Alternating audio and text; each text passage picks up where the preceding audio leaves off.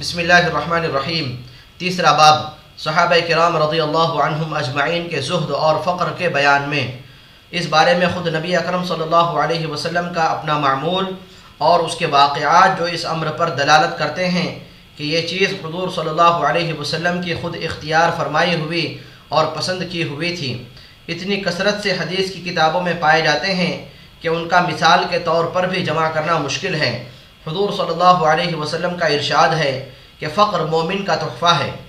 Number ایک، حضور صلی اللہ علیہ وسلم کا پہاڑوں کو سونا بنا دینے سے انکار۔ حضور صلی اللہ علیہ وسلم کا ارشاد ہے کہ میرے رب نے مجھ پر یہ پیش کیا کہ میرے لیے مکہ کے پہاڑوں کو سونے کا بنا دیا جائے۔ میں نے عرض کیا، اے اللہ، مجھے تو یہ پسند ہے کہ ایک دن پیٹ بھر کر کھاؤں، تو دوسرے دن بھوکا رہوں، تاکہ جب بھوکا رہوں تو تیرے طرف زاری کروں اور تجھے یاد کروں اور جب پیٹ بھروں تو تیرا شکر کروں تیری تعریف کروں۔